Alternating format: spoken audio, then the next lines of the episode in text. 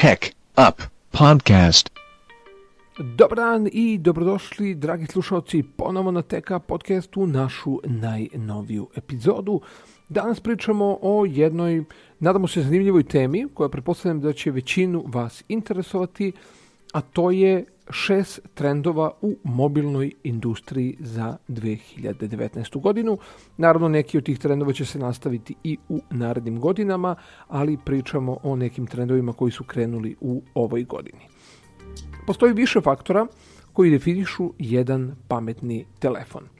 I naravno svaki proizvođač teži ka tome da njegov flagship model ima neke posebne karakteristike po kojima bi se taj telefon izdvajao od konkurencije – Izdvajamo četiri glavne kategorije na koje proizvođači mobilnih uređaja se fokusiraju, a to su ekran telefona, performanse samog uređaja, kamera i naravno baterija. Krećemo odmah od prvog trenda, a to je telefoni postaju savitljivi. E sad, u 2019. godini dobili smo novu podkategoriju, a to su zapravo savitljivi telefoni. Što se tiče savjetljivih telefona, prvi je Samsung predstavio svoj savjetljivi telefon Galaxy Fold, a sa njim su u nadmetanje uskočili i Huawei sa Huawei Mate X, a svoje prototipove su predstavili i Oppo, LG i Motorola.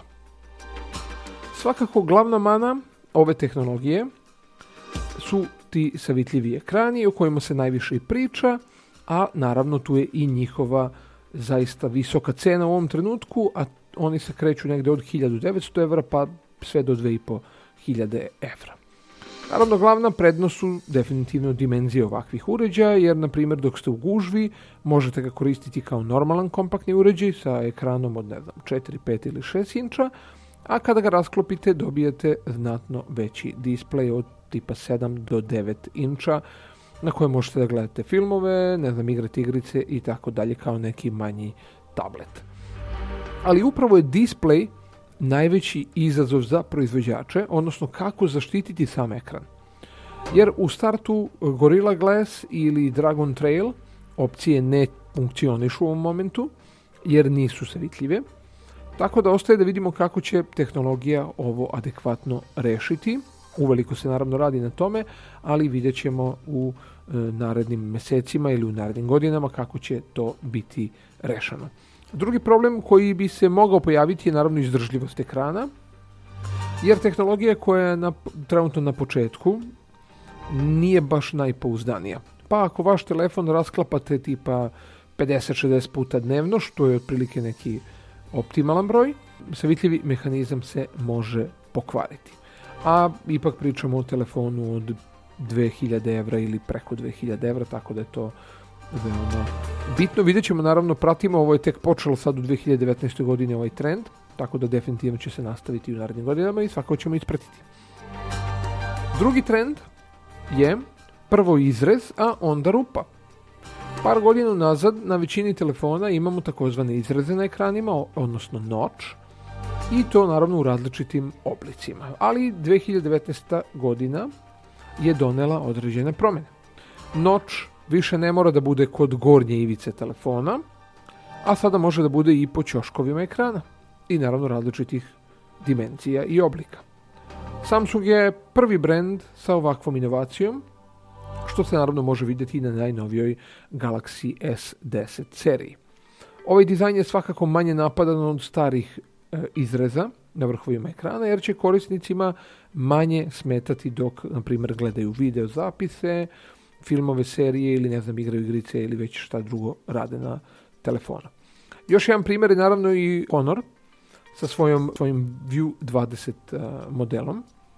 I oni su objasnili zašto se, na primjer, on nalazi na levoj strani ekrana, jer ako držite telefon u horizontalnom položaju, kao što bi trebalo, Ako konzumirate multimedijalni sadržaj, rupa na ekranu će biti zaklonjena rukom, te se naravno postiže pravo iskustvo gledanja na celom ekranu. Tako da kažem, počeo od različitih oblika, vidjet ćemo i u kom pravcu će ići ovaj trend, za sada nam se sviđa u kom pravcu ovo ide. Da ne puno, treći trend je, na primer, što više kamera dve, tri, četiri, pa čak i više kamera su definitivno odlične ako su napravljene da budu drugačije. Na primjer na OnePlus 5T modelu obe kamere kod ovog telefona imaju RGB senzore i praktično iste fokusne daljine.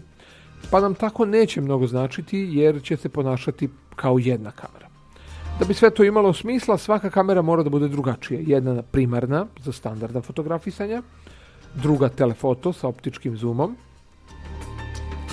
da bi mogli da dobijete fotografije udaljenih objek, e, objekata bez velikog gubitka kvaliteta slike. Treća svakako široko ugalna i četvrta bi mogla da služi za prikupljanje informacija o dubini pozadine, na primjer u portret modu. Ono što je već sad sigurno, a to vidimo i kroz telefone srednje kategorije gde su, gde su se ovakve kamere pojavile, kao što su na primjer Samsung Galaxy A50, Google Pixel 3a i 3a XL, OnePlus 6, više kamera nas naravno očekuje u toku ove godine, a naravno u budućnosti ovaj trend neće prestajati, tako da je ovo također jedan sjajan trend. Četvrti trend, nova generacija mreže, odnosno 5G, Što se tiče novih 5G mreža, još veća ekspanzija 5G tehnologije se očekuje zapravo 2020. godine, a kao što smo već pominjali, 5G će sa svojim visokim spektrom omogućiti zaista velike brzine interneta, stream u 4K rezoluciji, virtualnu realnost u realnom vremenu i gotovo nepostojeći ping što su svakako prednosti.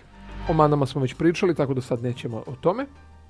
Naravno, u skladu sa tim i modemi koji podržavaju ovakav tip mreže biće više zastupljeni e, u mobilnim telefonima, kao na primjer Samsung Galaxy S10 5G, e, LG V50 ThinQ, Xiaomi Mi Mix 3 5G, ZTE, Axon 10 5G, Huawei Mate X i tako dalje. Tako da nas i ovo definitivno očekuje. Moja procena kako je sve krenulo znači posle 2020. godine, odnosno u toku 2020. i nakon toga će baš biti prava, prava ekspanzija ovoga kako se 5G mreža bude i širila po svetu.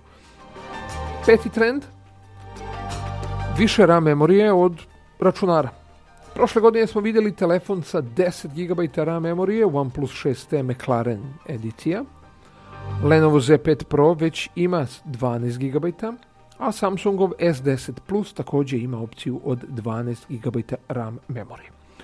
Živimo u vremenu kada aplikacije naravno postaju sve veće i zahtevnije, a neki minimum je da naš telefon ima 4 GB RAM-a, što bi trenutno bilo sasvim dovoljno za normalno funkcionisanje telefona. Kada se pojavio Android, imali smo telefone sa 128 MB RAM memorije, tako da možete i da vidite koliko se potreba za RAM memorijom povećala tokom prethodnih godina. Naravno da će se ovaj trend nastaviti, ali 12 GB je verovatno previše jer nam trenutno ipak nije potrebno toliko RAM memorije. Ovaj trend je u usponu, pogotovo kod kineskih brendova, tako da očekujemo da vidimo i još više RAM memorije na telefonima u godinama koje dolaze. I poslednji trend – senzor otiska prsta u ekranu. Tehnologija koja je krenula u svoj uspon 2018. godine, senzori otisaka prsta u ekranima će se sigurno još više pojavljivati u telefonima u naredne 2 do 3 godine. Ovo je već sigurno jer smo videli da je puno proizvođača počelo da ubacuje ovakve senzore ispod ekrana svojih telefona čak i u srednjoj klasi. Ovi senzori mogu biti optički ili ultrasonični, Optički senzori svetlom ispod ekrana obasjavaju vaše prste, dok ultrasonični to rade putem zvučnih signala. Svakako su ultrasonični senzori puno skuplji za napraviti, ali su mnogo bolji i precizniji. A svakako ovu tehnologiju ćemo viđati sve više u budućnosti, a neki od modela koji imaju senzor otiska prsta u ekranu su Samsung Galaxy S10, S10 Plus, Huawei Mate 20 Pro, OnePlus 6T, OnePlus 7, Samsung A50, uh, Honor Magic 2, Vivo V50 Pro, Xiaomi Mi 9, Huawei P30 Pro.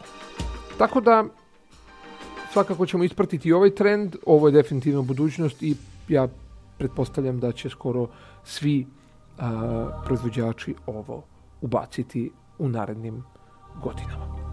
Eto, to bi bilo ukratko u ovoj emisiji gdje smo prošli kroz po meni šest E, trendova u mobilnoj industriji za 2019. godinu koji su značajne za razvoj mobilne industrije i koji će se definitivno, e, ovi trendovi će se definitivno razvijati i u godinama koje dolaze. To bi bilo to naravno u ovoj epizodi Teka podcasta. Kao i uvek naravno hvala što ste bili sa nama i do neke sledeće epizode. Veliki pozdrav! Tech Up Podcast